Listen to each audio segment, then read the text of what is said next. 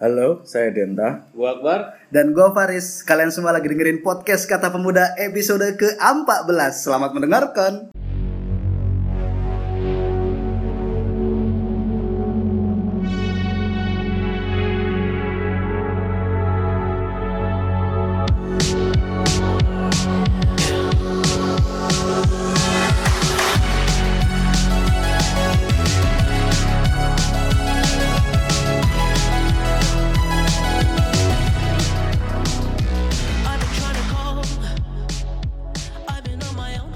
Assalamualaikum warahmatullahi wabarakatuh. Kembali lagi di podcast Kata Pemuda di episode kali ini di tengah bulan Februari. Tengah bulan Februari. Di bulan di mana ini adalah bulan yang merupakan momentum Momentum anniversary untuk tweetnya Mahfud MD tentang Yang? COVID-19 yang katanya negara-negara Asia udah udah mulai lockdown waktu itu. Uh, tapi Indonesia merupakan negara satu-satunya yang tidak terkena COVID. Uh, Satu tahun kemudian Indonesia satu juta kasus. satu juta kasus. Keren sekali. Gimana? Jadi satu tahun Mahfud MD nge-tweet katanya COVID-19 susah COVID-19 susah masuk Indonesia gara-gara susah karena gara gara-gara gara-gara nggak ada regulasi. Nggak ada katanya. Dan katanya tetap tetap jalan omnibus law dan akhirnya memang omnibus law di pertengahan tahun kemarin akhirnya disahkan gitu. Bandara tetap jalan, pariwisata tetap jalan, pelabuhan tetap berjalan, tidak ada yang terkena kasus COVID. Nggak ada di- yang kena kasus COVID. Nah, memang eh, kalau ditarik ke dunia anime, sepertinya bapak-bapak yang di sana ini penggem apa penggemar Mangekyo. Jadi jadi senang sekali terkena Mangekyo, saya tidak tahu gitu. Cuman eh, sebagai anak muda yang tidak tahu apa-apa gitu, kita kan juga penasaran sebetulnya apa sih yang terjadi gitu di lapangan gitu kan. Kemudian eh, kalau misalkan ternyata COVID ini sampai setahun kemudian punya dampak yang begitu besar Betul. pada orang-orang yang yang terdampak benar-benar terdampak Yang gitu, benar-benar di terdampak. berbagai macam sektoral. Nah, kita pengen langsung ngobrol-ngobrol spesial di episode tengah bulan ini. Iya, siap dan di tengah kita sudah ada siapa? Ada Bapak Denta Julian Sukma. Uh, Kita bisa sebut beliau adalah Bung Pengusaha. Bung pengusaha. Sapa-sapa dulu lah, Pak. Sama tahu dulu. Ya. Eh, halo, hai, saya Denta. Eh, kalau lebih tepatnya sih banyak yang mengatakan ya pelaku usaha kecil gitu Pelaku lah usaha ya. kecil. Ya, Seperti itu. Ya itu aja sih mungkin yang perkenalan dari saya kayak gitu aja. Tapi sehat kan, Bang? Sehat, Maksudnya sekarang. di tengah eh, berbagai macam kan sebelumnya istilah-istilahnya pemerintah nih banyak ya, PSBB. Terus P- diganti PSBM. Ah, PSBM, PSBM, terus, ada PSBB, PPKM, PPKM. ada Sekarang PP, PPKM mikro. PPKM sekarang. mikro. Ini sebenarnya jadi teringat sama metodologi ini ya, metodenya Departemen Pendidikan untuk mengganti nama dan istilah ujiannya istilah kita. ujian nasional. Dulu Eptanas, Eptanas, UN terus diganti UN. lagi, tapi hasilnya mungkin Tapi ya aja kayak gitu-gitu juga. Gitu-gitu juga. Gitu-gitu juga. tapi kita nggak tahu gitu kita belum mau menyimpulkan dan kita pada malam hari ini spesial bakal coba ngobrol lah Iya. ngobrol sama yang tadi bang Denta yang sepertinya sudah mengaku gitu loh bahwa dirinya adalah pelaku, Pelaku usaha, usaha. Nah, Iya. nanti kita coba akan ngobrol-ngobrol Eh, tapi sebelum itu kita coba pengen eh, nanya dulu nih bang satu hal gitu Hmm. bang Denta ini pelaku usaha di bidang apa gitu Oke, eh, apa ya? Ya bisa dikatakan kuliner lah ya. Oh, Juga, kuliner. eh, ya kuliner eh, juga yang masuk kategorinya ya sektor informal gitu Sektor lah. informal karena memang ya maksudnya. karena memang masih eh, skalanya masih kecil, mikro bahkan nggak nggak cuma kecil, mikro. Nah ini memang apa eh, usaha yang pada akhir-akhir ini baru terdampak seperti itu. Hmm. Tapi kayaknya bukan baru-baru ini deh bang, udah mulai setahun deh bang. Iya. Terdampak Iya, memang. setahun. bukan baru-baru ini. bukan baru-baru ini sih kayaknya. Kayaknya baru kemarin gitu. Iya, Tapi kan? ternyata dampaknya sudah banyak. Atau baru-baru ini tuh udah versi 2.0 Iya. Yang 1.0 tuh udah bulan Februari 2020 Nah Oh, iya. waktu pas pertama-tama nih bang Bisa ceritain nggak Beratnya tiba-tiba di cut sama pemerintah Langsung ada PSBB segala macam Jogja nggak boleh dimasukin sama wisatawan Mahasiswa pada pulang sekitar bulan Maret sampai April lah ya. Maret April itu mahasiswa mulai pulang ke kampungnya masing-masing karena covid. Nah terutama di Jogja ini kan kalau nggak wisatawan mahasiswa. Apa nama ah, segmentasi pasarnya ya. Se se se seberat apa bang waktu awal-awal covid? Iya, eh, kalau boleh cerita flashback, hampir satu tahun ya ternyata sudah ya. Ya, sebentar lagi kita akan merayakan ulang tahun First, Corona. first anniversary. First di anniversary. Indonesia, Di ya, di Indonesia. Kalau di Indonesia. kalau di Cina dari November soalnya. Iya, iya, iya. Eh, memang eh, di awal corona ini masuk di Indonesia, kalau nggak salah waktu itu di Bekasi atau di mana? gitu? Depok. Depok, Oh, Depok, Depok, ya. Ya, di Depok menjadi pintu gerbang Depok virus menjadi- COVID-19 masuk ke Indonesia. Nah, eh, sebenarnya memang kita sudah dengar apa bahwasanya eh, dunia usaha terutama di sektor mikro dan informal ini kan memang eh, apa sangat sangat rentan karena mengingat industri wisata dan industri pendidikan akan jelas akan mati kan gitu. Mengingat apa corona ini eh, pantangannya adalah kerumunan kan gitu atau mobilitas orang lah. Nah, sedangkan kita tahu Jogja eh, atau DIY itu kan primadonanya itu kan adalah eh, sektor pariwisata. Di mana-mana sektor pariwisata. Eh, bahkan ada upaya meromantisasi Jogja itu menjadi sebuah upaya dari mendongkrak daripada industri wisata. Walaupun di situ juga ada pendidikan. Nah, eh, memang di bulan eh, awal-awal tahun 2020 kita sudah dengar. Tetapi baru masuk itu kan di DIY terutama itu kan sebenarnya secara resmi kan 20 Maret 2020. Maret akhir ya, Maret akhir ya. 20 Maret eh, itu sewaktu eh, Gubernur DIY menyatakan tanggap darurat dan Itu diperpanjang ketika hingga- tanggap darurat Burjo tutup. Ditandai Iya, dengan Burjo ditandai- tutup. Pokoknya kalau udah burjo tutup berarti udah darurat banget. Darurat pemerintah. Gunung Merapi meletus Burjo nggak tutup. Nggak tutup, ya. Covid Burjo tutup. Itu berarti darurat. Maka dari itu, nah 20 Maret kita eh, sebenarnya sudah apa ya? Sebenarnya belum ada sih eh, instruksi untuk lockdown atau untuk karantina wilayah atau untuk menghentikan aktivitas sebenarnya waktu itu belum ada secara resmi belum ada. Hanya sebatas menetapkan Tanggap darurat. tanggap dari- darurat dari- bahwasanya dari Sultan eh, ya? dari Gubernur DIY mengatakan DIY sudah mengalami fase tanggap darurat. Akan tetapi seperti apa eh, praktek di lapangan sebenarnya secara resmi belum ada sih. Apa istilahnya eh, harus seperti apa seperti apa. Akan tetapi nggak, nggak, nggak kayak Jakarta yang langsung PSBB. ya gitu. itu kan apa eh, beda lain ladang lain belalang lah, lain Ya. gubernur lain kebijakan kan gitu. Nah. Ah, maka dari itu apa eh, sebenarnya masyarakat DIY pada waktu itu sebenarnya sudah serta merta apa menyadari, bahwasanya virus ini memang cukup berbahaya dan apa ingin segera lepas daripada virus ini. Untuk itu tanggal tanggal 20 hingga bahkan awal April tuh hampir semua eh, terutama yang di, di kawasan Gumaton ya, Tugu, Mangku Bumi, Malioboro Kraton itu langsung menghentikan Itu selain sentra pariwisata, sentra kerumunan. Ya, itu menjadi apa ya istilahnya ya epicentrumnya DIY itu kan di situ kan gitu. ya, ya. Ah, Nah, itu menyadari untuk lockdown dirinya mereka masing-masing untuk tidak berjualan kembali, mereka lalu hanya di rumah saja. Ah, itu kan sebenarnya apa sudah menjadi sebuah inisiatif dari masyarakat. Bahkan di kampung-kampung untuk teman-teman pada pada tahu pada di portal dikasih Ya.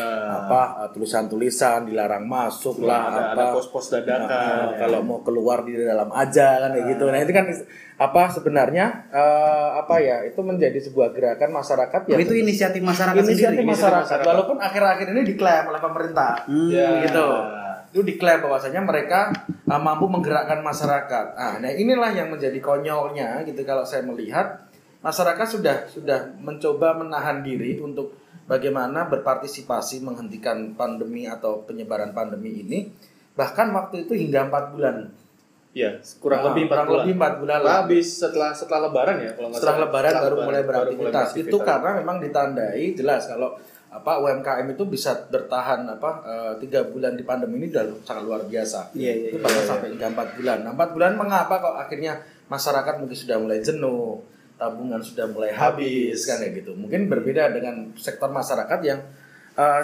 sifatnya formal ya. Iya. Mereka kerja nggak kerja tetap digaji kan gitu. Sedangkan yang untuk teman-teman sektor informal ini kan kalau mereka nggak jualan kan nggak dapat pendapatan. Nah, Seperti sepertinya PNS tidak merasa adanya COVID. Nggak ada, nggak ada. ada, nggak ada. Nah itulah yang akhirnya apa ya eh, pasca Lebaran kalau nggak salah pada waktu itu sudah mulai ada mulai kehidupan kembali lah di Jogja. Akan tetapi ya itu tadi ternyata setelah eh, banyak orang atau masyarakat kembali mulai beraktivitas, COVID ini juga malah justru tidak apa ya istilahnya bukan membaik ya membaik atau mereda kan gitu. tapi justru malah makin justru malah semakin naik. menggila kalau bisa saya katakan di situ. Iya, iya. Nah itu sih apa kalau orde waktu itu ya hampir 4 bulan kita apa istilahnya puasa, kita menahan diri, harapannya kita lebaran itu bisa benar-benar bisa Ah, berhari raya kan gitu akan tapi sampai hari ini sampai detik ini bulan Februari ini ya bisa itu ya ternyata nggak malah semakin baik kalau bagi Nah, saya. eh, berarti bisa dikatakan usaha, maksudnya Bang Denta sebagai pelaku usaha ini bisa dikatakan benar-benar mengalami dampak COVID ini ya memang setelah Lebaran itu ya. Maksudnya setelah memang ada regulasi resmi tentang pembatasan bla bla dari pemerintah gitu. Iya. Nah itu kayak gimana dong? Posisinya tuh dari awalnya pengen akhirnya awalnya kan menahan diri, Iya. terus mulai lagi tiba-tiba ada pembatasan. Nah itu di apa namanya dal- secara detail gitu ngomongin usahanya sendiri gitu. Iya, eh, relatif teman-teman yang ada di sektor informal atau apa skalanya mikro ini kan eh, kecenderungannya adalah tidak memiliki tabungan yang cukup banyak. Kan gitu. Oke. oh Sehingga eh, mereka bertahan 3-4 bulan itu kan ya bahasanya tuh mantap kan gitu, makan tabungan kan gitu. oh makan tabungan bukan tabungan. bukan mantep makan tabungan lah istilahnya kan seperti itu.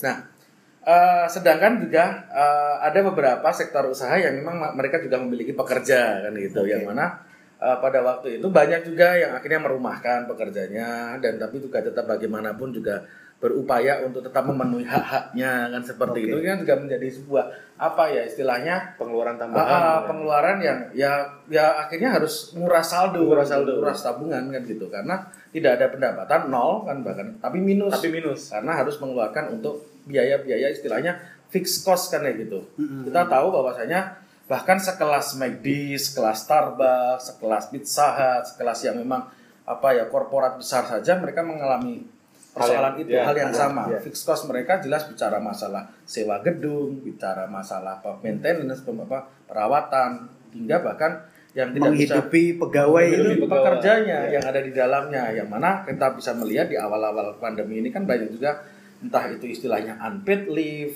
Ya. dirumahkan tanpa diberi apa diberikan apa eh, tunjangan atau bahkan mereka sehingga bahkan sampai ke ranah PHK. Ranah nah, ini kan PHK. yang akhirnya benar-benar dirasakan tidak hanya eh, para pelaku usahanya tapi juga pekerja yang ada di dalamnya. Hmm, nah, iya, iya, iya, iya. benar-benar kita rasakan di awal-awal pandemi ya sebenarnya sebenarnya sampai hari ini juga masih sama. Masih sama. Masih sama merasakan. tapi pas sebelum pas sebelum pandemi ini sebenarnya eh, seberapa besar sih atau mungkin eh, Mas Danda punya berapa pegawai sebenarnya Waktu itu mencapai 15 orang yang hari sebelum ini- pandemi ya sebelum, pandemi, iya.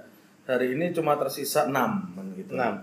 Yang kita benar-benar pertahankan dan memang benar-benar butuh pekerjaan. Karena yang lain masih statusnya mahasiswa. oh, kayak part time gitu ya, Ya, Ya, jadi masih part bisa kita kembalikan kepada orang tuanya lah kan. kayak bahasa rektor nge-DO orang ya. Kalau misalnya kita bicara soal omset nih, Bang. soal omset ya. Persentasenya tuh dari dari awal Covid sampai sekarang itu kira-kira berapa sih persentase Penurunannya penurunannya? 75 80 persen.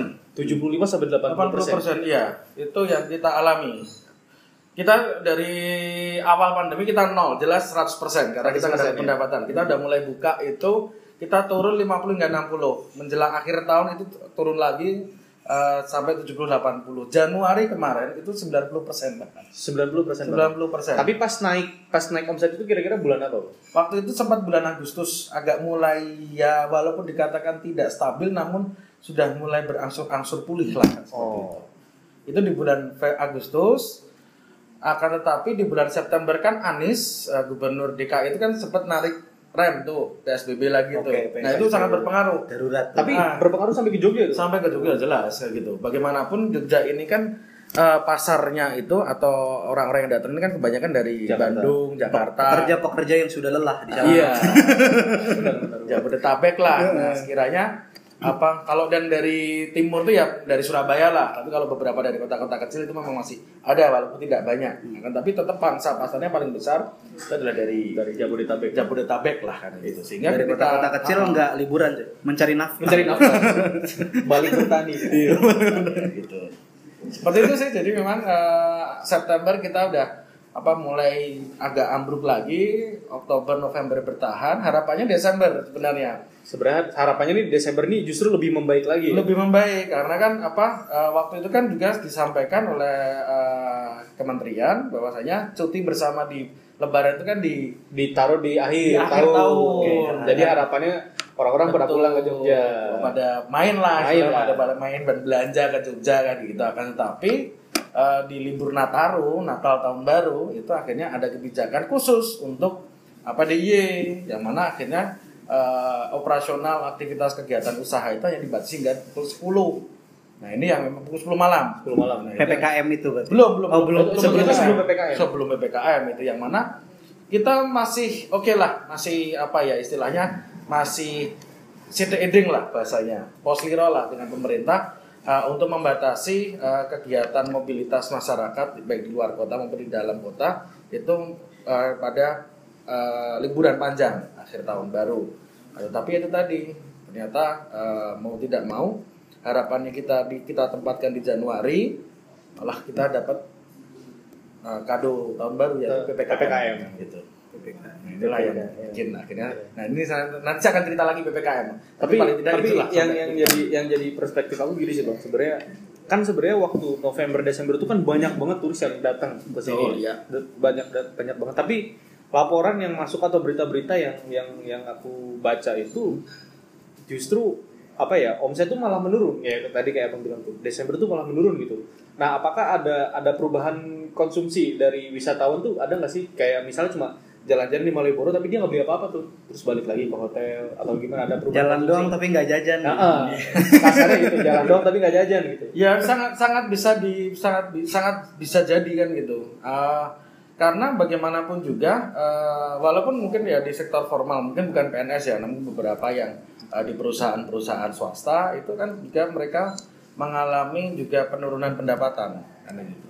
Nah bisa jadi memang pandemi ini kan tidak hanya berapa tidak hanya apa tadi bicara ngomongin kesehatan namun juga secara pendapatan atau daya beli ini kan juga berkurang. Iya. Oke, yang oke. mana akhirnya mereka hanya memprioritaskan uh, pada hal-hal yang sifatnya pokok atau wajib kan gitu. Banyak orang memang mungkin jalan-jalan iya, akan tetapi kan uh, yang biasanya uh, apa Belanja, belanja jajan. ataupun bahkan itu kan juga apa uh, sangat berkurang lah, sangat berkurang gitu. Nah, sehingga apa uh, kalau kita ngelihat November Desember itu uh, banyak wisatawan iya akan tetapi juga kami pun uh, selaku pelaku usaha kecil ataupun memang yang atau apalagi kuliner ya resto kafe dan itu kan juga tidak bisa serta merta akhirnya membuka diri nggak langsung ya? Nggak nggak bisa Nggak bisa apa ya istilahnya itu langsung full lah kan kayak gitu. Oke. nggak bisa langsung full untuk apa untuk menerima mereka karena juga ada pembatasan-pembatasan itu tadi. Belum belum apa belum lagi. Kadang-kadang juga ada apa eh, stigma wisatawan ya kalau jajan di sana kalau bersih apa belum lagi Oke. protokol kesehatannya seperti Oh, apa berarti juga ada stigma kayak gitu ya itu yang akhirnya bikin berat sebenarnya Kesehatan jadi kayak usaha. prioritas iya ya? betul kan seperti itu yang biasanya mungkin mereka mau jajan di angkringan mau jajan di lesehan yang akhirnya sifatnya terbuka jadi ya. ragu ya jadi ragu karena ya saya pikir memang eh, kebijakan pemerintah hari ini memang sangat apa ya mem- membuat sentimen di dunia usaha dunia bisnis itu udah ngedrop duluan ada ngedrop duluan ngedrop duluan itu yang memang apa eh, belum lagi ditambah hal-hal yang lain lah yang tidak bengek pembatasan jam dan sebagainya pembatasan kunjungan nah itu kan ya Anu bang, kem- apa namanya?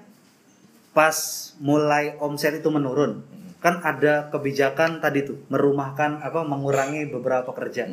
Itu bisa curhat gak bang? Maksudnya di di per- pertimbangan itu apa tuh? Kan sebagai pelaku usaha yang yang misalkan dia melihat eh, ad- apa namanya menghitung karyawan yang ada gitu, itu pakai pertimbangan apa bang? Kira-kira? ya pastinya jelas income ya Income. yang pasti yang menjadi dasar daripada pertim apa strategi apa strategi dalam perusahaan atau bicara ngomongin unit usaha Hah? itu jelas adalah pertimbangannya adalah pemasukan adalah income pendapatan kan gitu apakah penjualannya masih sama kalau memang kalau kalau tadi saya katakan bahwasanya menurun hingga bahkan eh, 70-80% ini kan jelas eh, untuk membiayai apa membiayai eh, biaya yang sudah biaya tetap beban tetap itu kan jelas sangat kurang kan gitu. Sehingga kebijakan merumahkan ini bukan lantas kita amini atau bahkan hal-hal yang menjadi hal yang mahfum atau lumrah. Akan tapi menjadi keterpaksaan di tengah pandemi ini bagaimana cara masih mempertahankan eh, unit usaha itu bisa tetap berjalan akan akan tetapi juga eh, semua masih bisa apa ya istilahnya masih bisa bertahan hidup. Itu sih. Walaupun di awal eh, di awal kami eh, masih menerapkan di empat bulan awal lah kita tutup itu kita merumahkan itu dengan eh, pendapatan full waktu itu. Tetap full. tetap full waktu itu. kita apa kita apa menyam, apa ya itu istilahnya apa ya itu rasa kemanusiaannya lah. Bagaimanapun eh, kami tutup itu kan bukan bukan bukan eh, kemauan daripada internal atau kemauan daripada apa eh, pelaku usahanya kan. Tapi kan memang faktor eksternal. Yang mana ketika kita rumahkan mereka tidak bekerja pun juga mem- mereka mau cari pekerjaan juga susah di luar. Sehingga itu menjadi sebuah kewajiban bagi pelaku usaha yang memiliki pekerja ya untuk mampu untuk me- apa tetap masih menjamin kehidupan mereka akan tetapi ya inilah yang menjadi persoalan. Usaha ini kan skalanya mikro kecil kan gitu. Nah, UMKM. UMKM kan mungkin bahkan mikronya mikro kan gitu. Karena ya nanti bisa di- dicek lah untuk tambahan data mikro itu berapa sih permodalannya kan gitu. Oke, oke. itu juga bertahan empat bulan itu udah istilahnya kayak udah apa ya udah ngos-ngosan gitu loh ngos-ngosan. udah ngos-ngosan itu saldo itu udah dikuras bener-bener itu tabungan dari satu tahun ke belakang itu udah Satu tahun ke belakang itu dikuras tahun. dalam dikuras dalam empat waktu bulan. bulan kan seperti itu nah itulah yang akhirnya eh, apa kebijakan untuk merumahkan atau bahkan me- apa ya istilahnya mem- memberhentikan pekerja yang ada di dalamnya ini menjadi sebuah pilihan atau pil pahit yang harus ditelan Satu sa- apa pilihan terakhir gitu. pilihan terakhir Pilihan terakhir. Oh, pilihan yang sangat harus ya terpaksa sekali gitu loh karena ketika masih mempertahankan ya usahanya pasti akan tikar kolaps. Nah bang setelah setelah eh, apa namanya eh, empat bulan ngos-ngosan itu ya, terus tadi abang bilang di bulan Agustus mulai naik lagi, itu strategi apa sih bang? Maksudnya kan ah, itu kan istilahnya kayak mulai dari nol lagi tuh ya, Mm-mm. mulai dari nol lagi ya. Strateginya kesulitannya apa sih untuk memulai usaha di di masa pandemi apalagi waktu itu mungkin agak masih strict ya, masih masih agak masih agak ketat gitu. Kesulitannya apa sih? Kesulitannya kalau secara internal jelas apa eh, beban itu tadi ya, beban yang harus walaupun kita sudah mengurangi jumlah eh, pekerja yang ada di dalamnya, itu jelas tetap masih menjadi beban yang harus tetap dibayarkan atau ditunaikan kan gitu. Nah, dari 15 hasil misalnya saya contohkan tadi menjadi 6 ini kan tetap bagaimanapun eh, kita masih mengalami semacam ketidakpastian pasar. Nah, saya mengatakan di sini kenapa mengalami ketidakpastian karena kita buka itu belum tentu laku. Nah, iya, iya. Itu yang pertama. Iya. gitu. Yang kedua dari sisi eksternal, pemerintah baru ketat-ketatnya uh, menjalankan pembatasan sosial, sehingga kita di awal-awal buka itu, kalau nanti bisa cek di Facebook saya lah atau di mana, itu udah kayak di Oh, main Facebook, Bang. Hah? Main Facebook. ada teman-teman itu apa nggak ngupload di Facebook Oh, soalnya, iya. jadi saya apa cuma repost aja lah di situ. nah apa? Eh, itu mereka patroli itu udah kayak patroli kayak ngerazia teroris gabungan itu polisi TNI Pol PP Brimob PM dengan dengan senjata laras panjangnya kan gitu sekali. Nah itulah yang kalau waktu itu kan istilahnya ada new normal gitu ya, Iya, ada, ada iya, new iya. normal. Ada ada ada kampanye waktu ada itu. kampanye new normal. Dan kita juga mengkampanyekan ayo apa eh, apa untuk membangkitkan lagi perekonomian rakyat. Karena ini adalah dua sisi baik kesehatan maupun ekonomi tidak ada hal yang bisa dipilih salah satu. Semuanya harus jalan. Orang berekonomi juga harus sehat. Orang eh, orang apa orang sehat juga harus memiliki ekonomi yang kuat. Kan gitu. Ini kan suatu hal yang nggak bisa dipilih salah satunya. Sehingga apa eh, awal-awal kita buka itu juga kesulitannya adalah pertama ketidakpastian pasar yang kedua eh, dengan pemerintah seolah seolah-olah menjadi menjadi apa ya menjadi sekelompok masyarakat yang tidak patuh atas aturan nah, itulah Oh. yang akhirnya kita juga kembali di bulan Januari kemarin ppkm ini itu juga hampir hampir, Hampir mirip-mirip ya, mirip. Menarik ya. Menarik, Maksudnya, menarik penikmat kopi ini ditantang oleh situasi baru, menikmati berbagai macam jenis kopi di bawah tekanan aparat.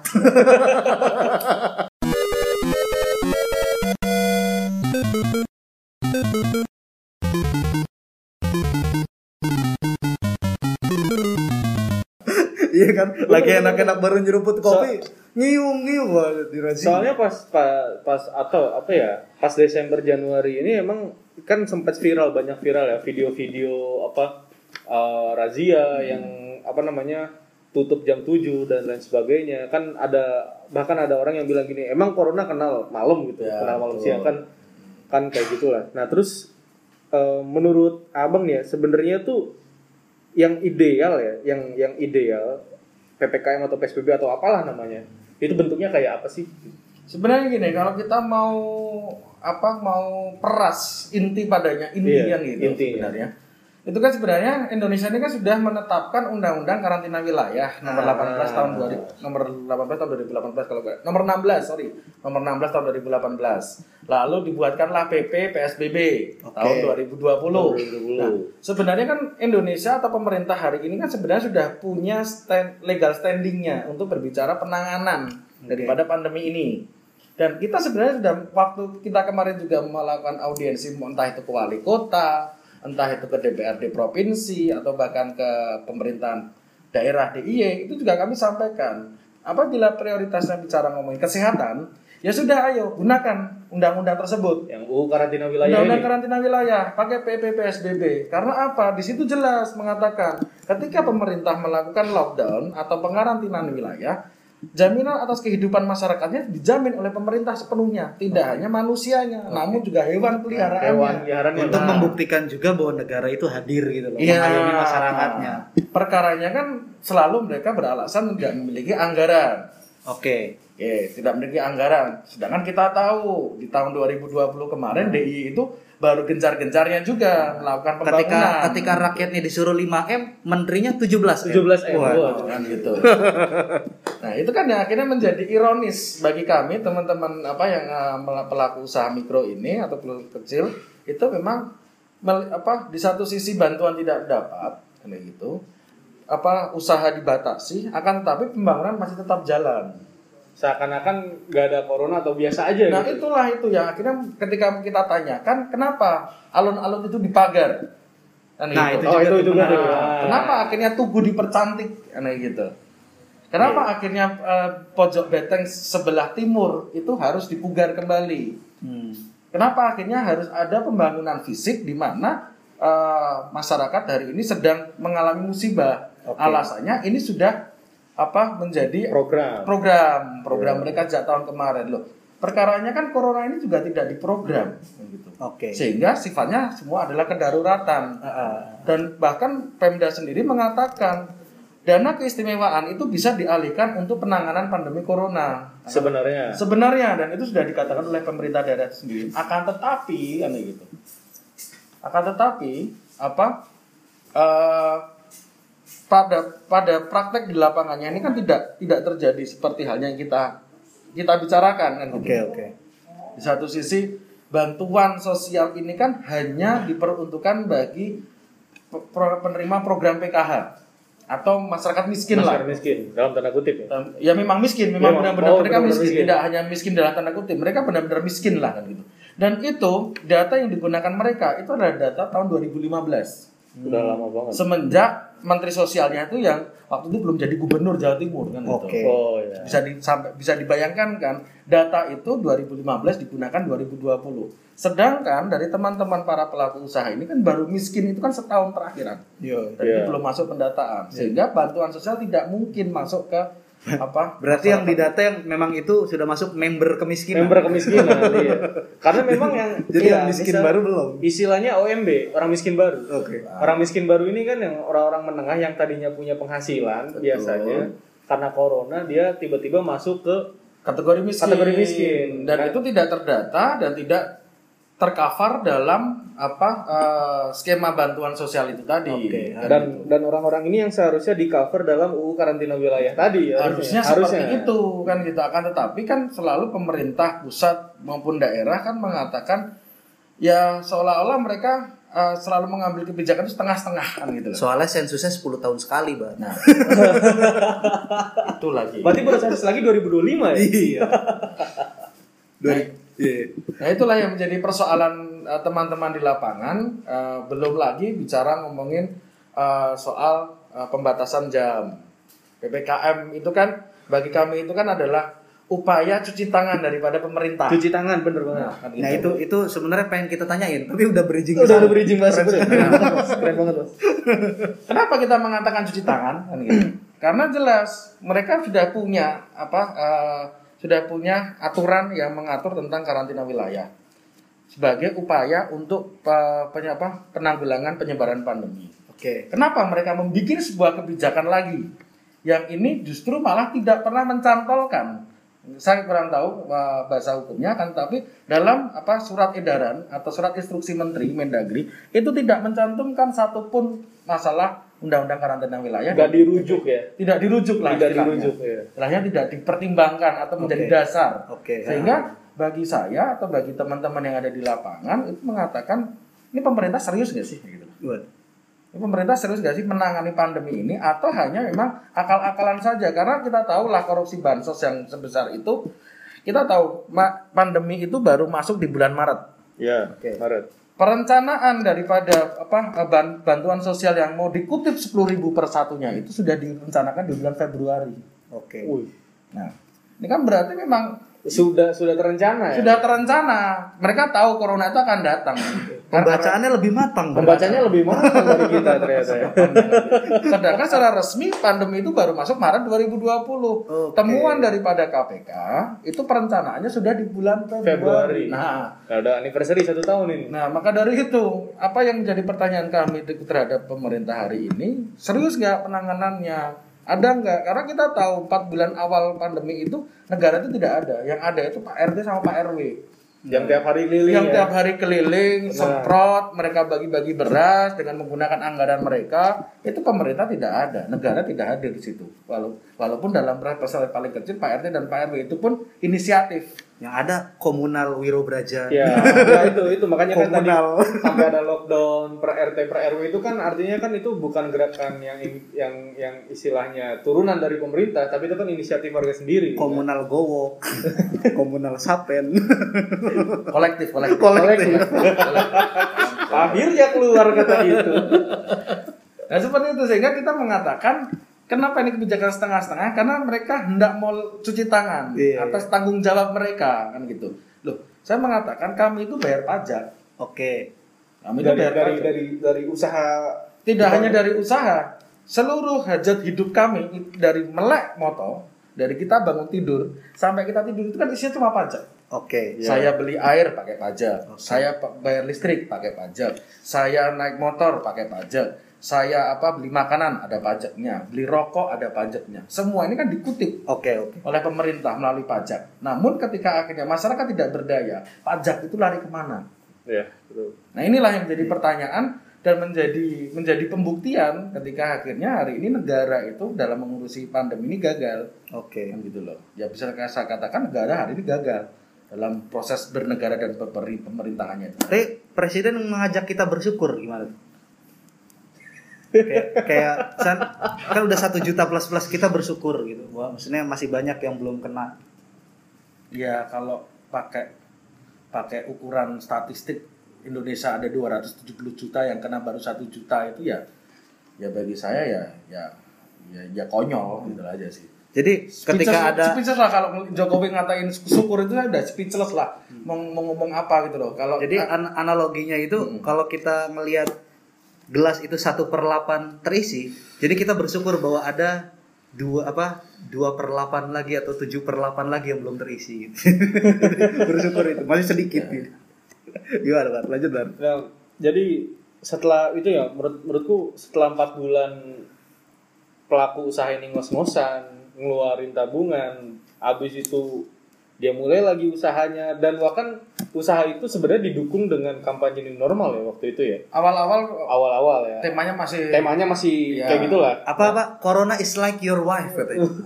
kata kata Pak Mahfud lagi lagi. kata Pak Mahfud ya Kita harus hidup berdampingan gitu. setelah Agustus September terus turun lagi dan sampai sekarang masih kayak gini-gini aja gitu merasa di ini gak sih bang menurut menurut abang sendiri atau mungkin mewakili ya merasa diapusi gak sih dibohongin Heeh.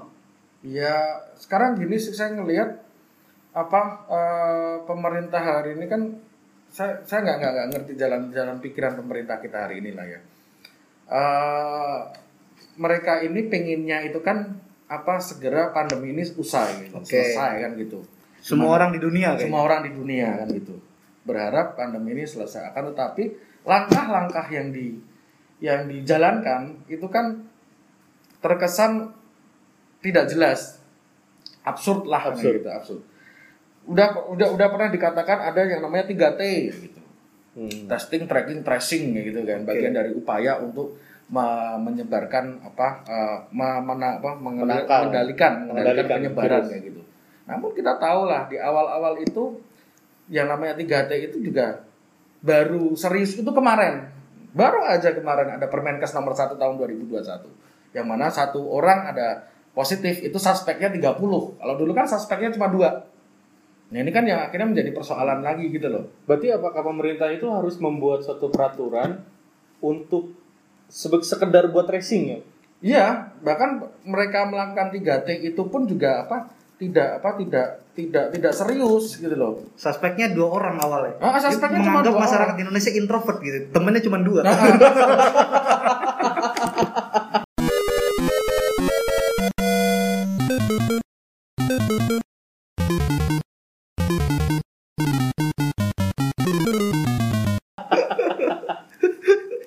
iya, lanjut lanjut lanjut. Lanjut Ya, makanya ini kan saya lihat memang apa eh, kalau bicara new nor- normal baru, adaptasi baru, ya gitu. Ya, Ya, kan new normal itu kan gitu lah, ada bahasanya kayak gitu, Bahasanya gitu. Ini kan bicara ngomongin habit, karakter dan budaya. Iya. Oke. Yang mana saya pikir ini tidak semudah mengembalikan telapak tangan gitu loh. Kita pakai masker saja itu ya baru satu tahun terakhir ini Iya, itu iya. kita memakai masker lah kayak gitu. Akan tetapi untuk mencegah daripada kerumunan mobilitas ini kan itu mau seperti apa pertanyaannya kan gitu. Ke depan mau seperti apa? Karena yang kita kembali ke masalah perekonomian di DIY lah.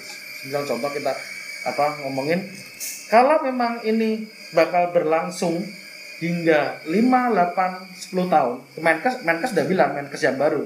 Itu kan apa? Yang lebih realistis ya? Ah, ah, itu, itu yang lebih realistis itu ya. itu kan mengatakan Indonesia itu baru selesai vaksin itu 8 tahun. 8 tahun. 8 tahun. Bayangkan 8 tahun, Pak, itu anak saya udah SMP besok kan gitu. Itu baru selesai kan gitu. Sedangkan industri wisata dan industri pendidikan yang ada di saya mengatakan industri ya karena itu Iya. memberikan apa berkah ya bagi oke. masyarakat. Iya, iya, iya. Nanti kalau eh, didengar teman-teman dan aktivis mahasiswa saya dikritik lagi ya. Iya. tidak tidak ada yang mendengarkan aktivis Oke, mahasiswa.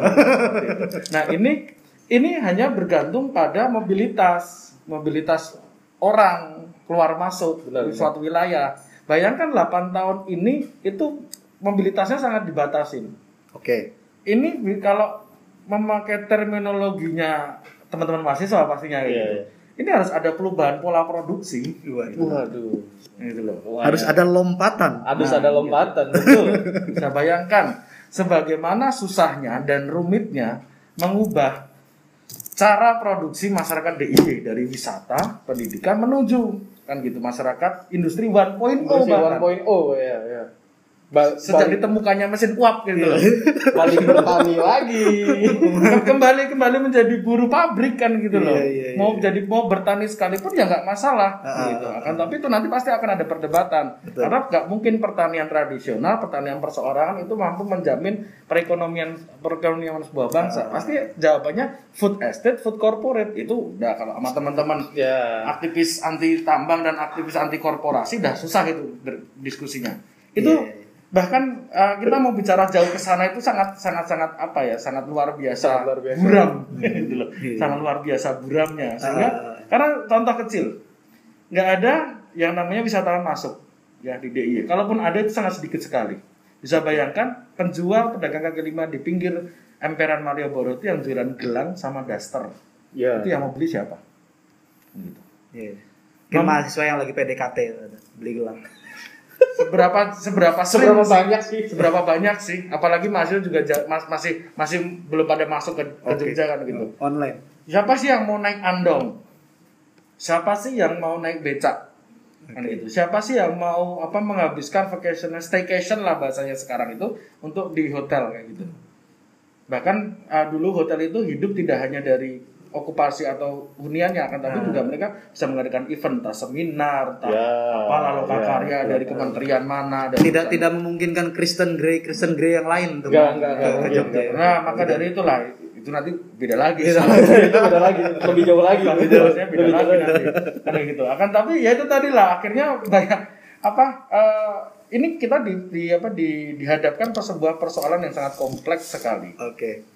Bagaimana menyelamatkan kesehatan di satu sisi menyelamatkan perekonomian. Nah ini kan eh, bagi kami, bagi teman-teman yang tidak apa tidak memiliki golongan apa pun di pemerintahan karena bukan ASN kan gitu, Oke. juga tidak memiliki pendidikan yang sangat tinggi, kami hanya berharap bahwasanya perekonomian bagaimanapun jalan.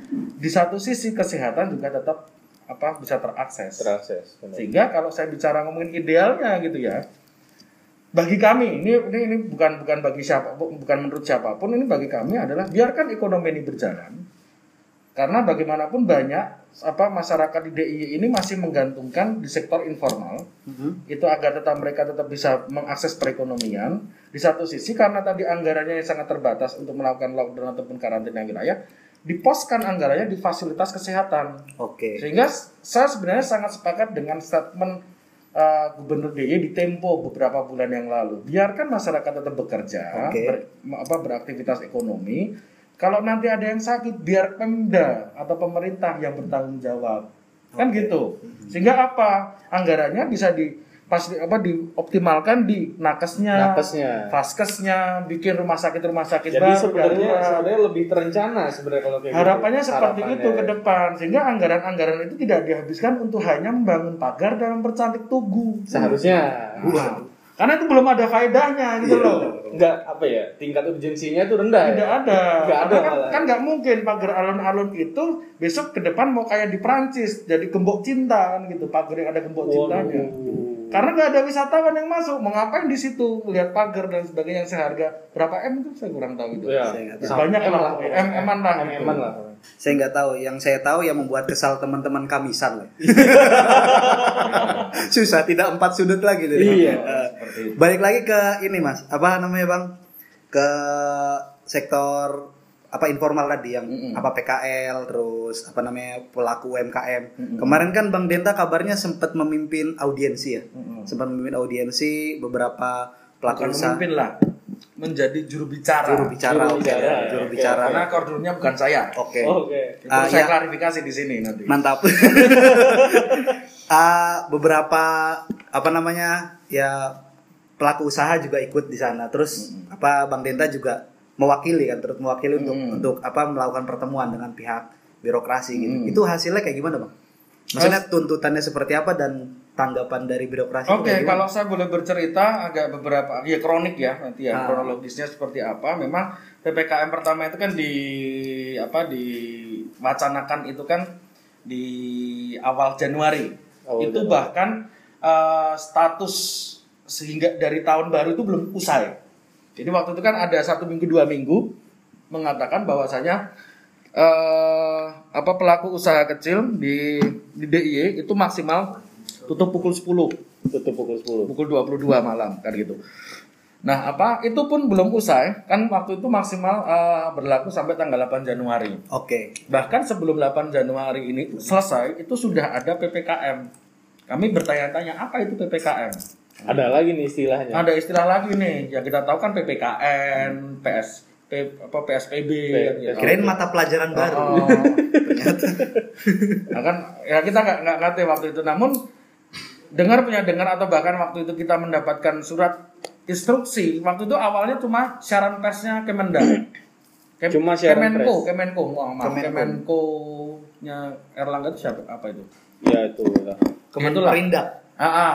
waktu itu pokoknya hanya siaran Erlangga. persnya Erlangga Hartanto mengatakan Hartanto, kita ya. akan mengadakan PPKM karena ada lonjakan kan gitu. Asal asal asalnya ada PPKM itu karena ada lonjakan daripada liburan Natal tahun baru. Pembacaannya seperti itu. Pembacanya seperti itu sehingga perlu ada PPKM. Kita kan bertanya-tanya apa itu PPKM? Apakah PSBB waktu itu? Ternyata bukan. beda lagi Beda lagi karena dasar yang digunakan hanya surat instruksi Mendagri yang tadi saya pernah katakan tidak pernah merujuk sama sekali ke undang-undang karantina karantina wilayah. Kan itu. Erlangga tuh menteri perindustrian apa? Enggak enggak, udah menteri apa namanya? Kemenko apa gitu, Menko apa namanya? apa gitu. eh, ya pokoknya koordinator lah. Iya. Koordinator lah. Nah, kita sebagai warga emang kurang tahu lah Emang kayaknya. kurang tahu lah ya kayak gitu-gitu lah ya. ya, ya. Ya, pasti yang pastinya PPKM itu kita karena waktu itu mengatakan eh, ada pembatasan jam operasional daripada kegiatan usaha ekonomi masyarakat. Yang pada waktu itu eh, hanya maksimal itu pukul 19 atau 7 malam. Oke. Ini kan Habis Isa ya. habis isaan gitu. Nah, ini kan yang menjadi menjadi apa ya hal yang bagi kami itu merugikan. Sangat merugikan. Sangat merugikan karena banyak juga warga masyarakat itu yang melakukan aktivitas ekonomi itu di malam hari. Oke. Kalau teman-teman tahu Malioboro tempat sebesar sekecil Malioboro, kecil atau besar serahkan lah. Komen eh, Malioboro itu itu digunakan 4 shift. Empat shift. 4 shift. Jadi satu tempat, satu lapak itu Itu ada empat shift. sudah ada empat shift, sudah ada empat orang, ada empat pelaku usaha di situ. Hmm. Sehingga bisa dibayangkan ketika yang mendapatkan shift 3 atau shift 4 kan Yang gitu. pas malam ya. Yang pas malamnya kan gitu. Belum lagi tempat-tempat yang lain yang memang mereka itu baru bisa mengais rezeki di malam hari. Hmm. Itu yang akhirnya menjadi dasar kami untuk menolak PPKM. Sehingga waktu itu di hari kedua pemberlakuan PPKM jilid pertama, karena udah jilid ketiga nih, nggak tahu akan berapa jilid kan kayak gitu. Iya, iya. Itu kami mendatangi wali kota waktu itu, mengatakan bahwasanya kami menolak PPKM. Karena apa? Yang pertama, yang namanya corona COVID-19 itu tidak hanya keluar di malam hari. hari, kan gitu. Corona itu bukan nocturna. Uh. Tapi juga aktivitasnya siang hari juga. Nah, kan Iya. seperti itu. Bahkan sampai saya katakan, kok seolah-olah corona di DIY ini istimewa. Kenapa istimewa? Kenapa lucu ya? Kok lucu ya? Iya, iya. lanjut Bang. Lanjut aja, Bang, lanjut. Bang. Karena kami meng- sa- sampai men- sampai menyampaikan ke teman-teman biro apa pemerintahan, corona ini bukan bukan se- seperti hanya cah klitek yang keluar malam pulang pagi. Waduh. Waduh. Iya, iya. Benar, benar, benar. Nah itulah yang akhirnya menjadi apa sih yang memang menjadi persoalan Persoalannya Kenapa apa pemerintah gitu kenapa harus mem- apa, menyapa harus memperlakukan jam malam alasannya mereka adalah pertama waktu itu mereka belum belum belum saya belum ter- terungkap alasan sebenarnya waktu itu eh, mereka mengatakan ini hanya menjadi kami hanya pelaksana daripada instruksi pusat dan daerah gitu.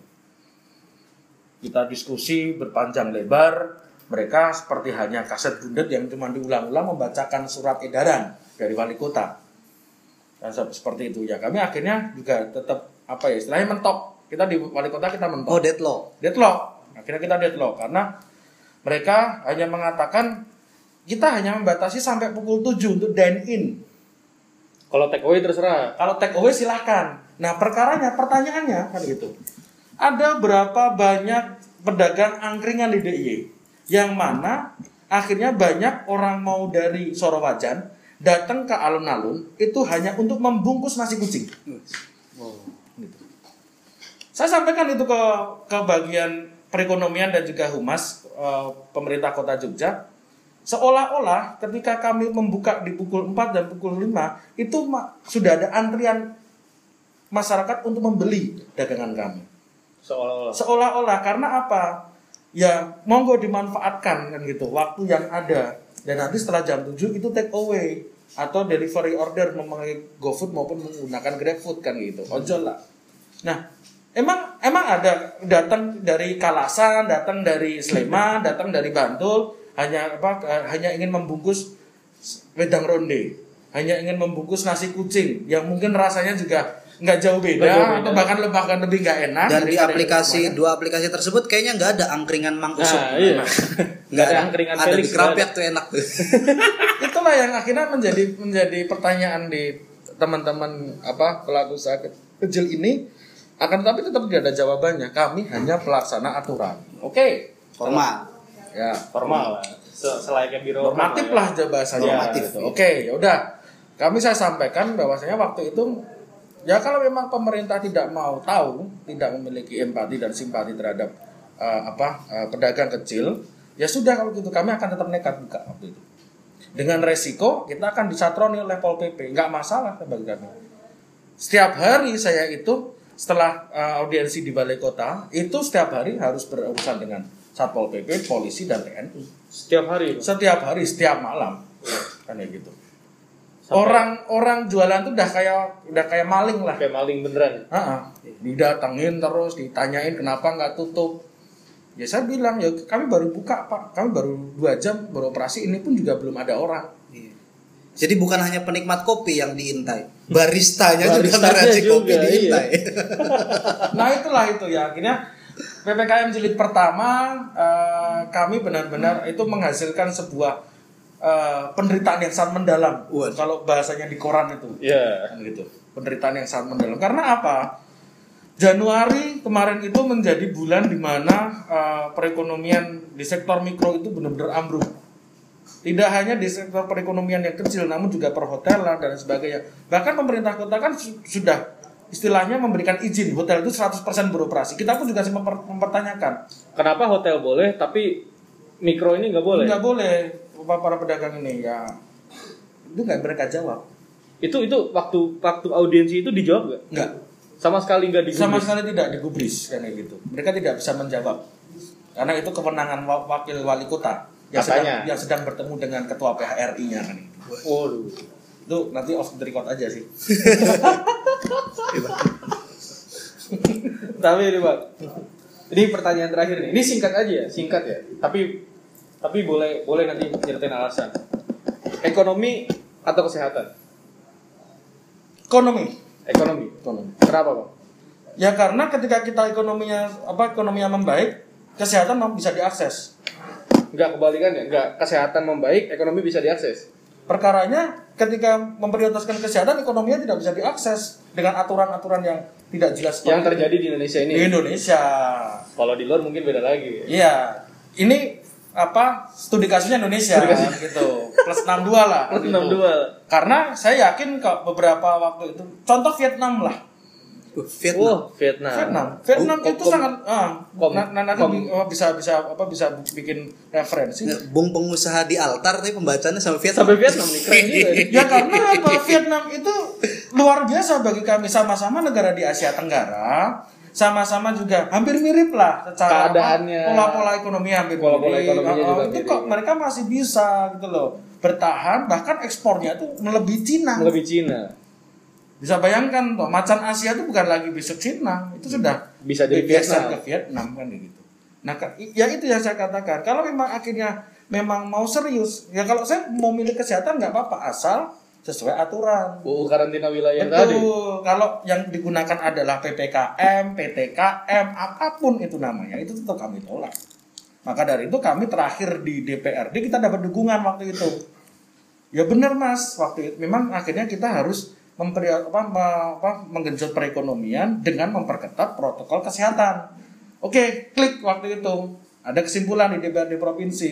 Namun kan saya perlu tanyakan karena ketugasan di lapangan kan Satpol PP. Bukan Hadirlah bukan sampean. bukan DPRD kan gitu. Iya. Saya, Gimana Pak? Ini sudah ada statement dari DPRD. Ya saya manut pimpinan gitu. Ya sudah kalau memang manut pimpinan, saya besok ke tempat pimpinan Bapak saya bilang gitu. Datanglah saya ke sama teman-teman apa sektor informal itu ke Kepatihan. Saya, saya sampaikan ketemu Pak Tri Saktiana selaku Asek Ekonomi dan Pembangunan di, dikawal oleh BB, apa eh, Dinas Kesehatan, ada BBBD dan Pol PP dan akhirnya kita cuma disampaikan harap untuk bersabar dan berkorban. Waduh. Kayaknya ya memang itu ya narasinya. Narasinya. ini emang satu-satunya jalan apa salah satu jalan kita untuk meningkatkan kesabaran, Ini bersyukur dan bersabar seperti itu. Ujung-ujungnya jadi kayak khotbah, khotbah Jumat ya. Nah, itulah yang akhirnya bahkan waktu itu pernah ya ini cuma cerita dikit aja. Ada salah satu perwakilan dari pedagang pasar sendir. Tahu kan pasar sendir? Iya. Oke. Yang jualan loakan itu Loakan, loh, loakan. barang-barang bekas gitu loh. Itu sampai mengatakan di depan pemerintah daerah provinsi DIY ada anggotanya itu yang anaknya nggak bisa makan dua hari.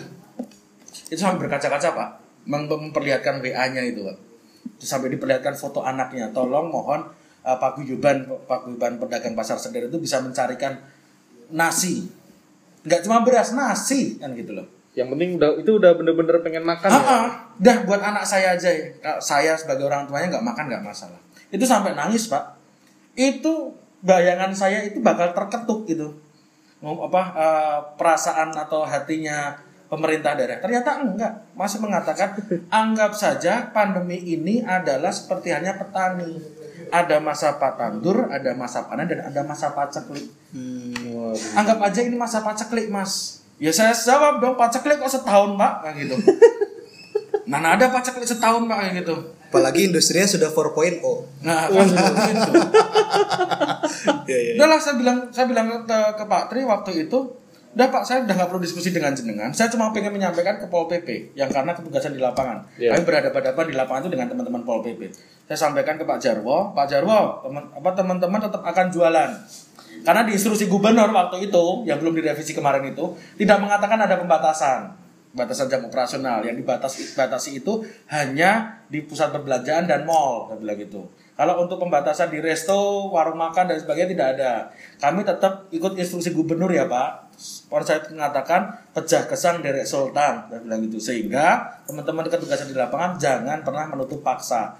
Akan tetapi ketika ada pelanggaran prokes silahkan ditindak. Saya bilang gitu. Udah saya keluar saya ketemu dengan teman-teman media saya katakan bagaimana mas hasilnya mas? Kita diizinkan. Ya kan? Langsung langsung langsung gimana reaksinya pemerintah setelah Mas bilang gitu ke media? ya mereka dikonfirmasi kan Iya. kok katanya diizinkan nih?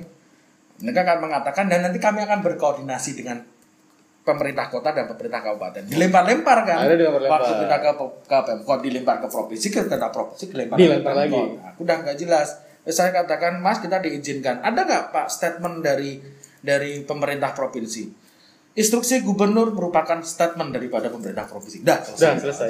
Oke. Ya, gitulah mungkin ya. Kalau misalkan diterusin nih curhatnya sampai pagi. Sampai iya. pagi nih, jelas. jelas Ini ini kalau misalnya di kalau sampai pagi ini bisa ngomongin soal pola-pola kerja buruh segala macam.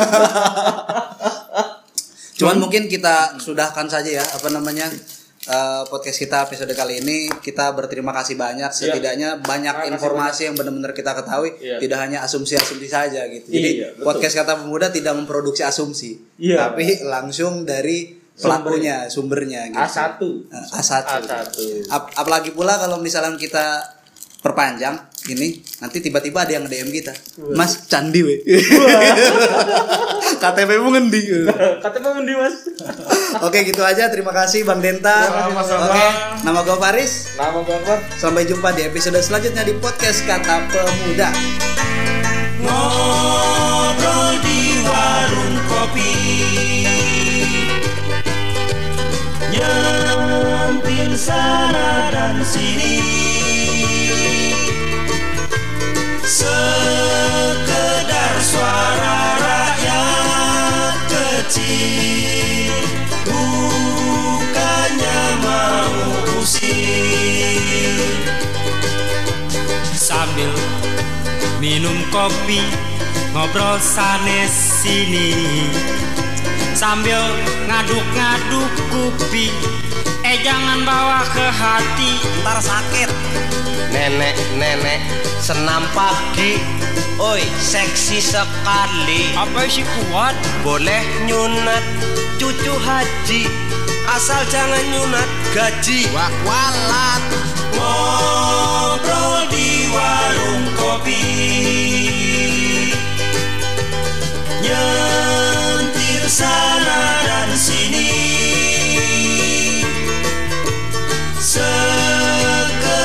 suara rakyat kecil. Bukannya mau usir Hai kau pemuda Bukalah celanamu.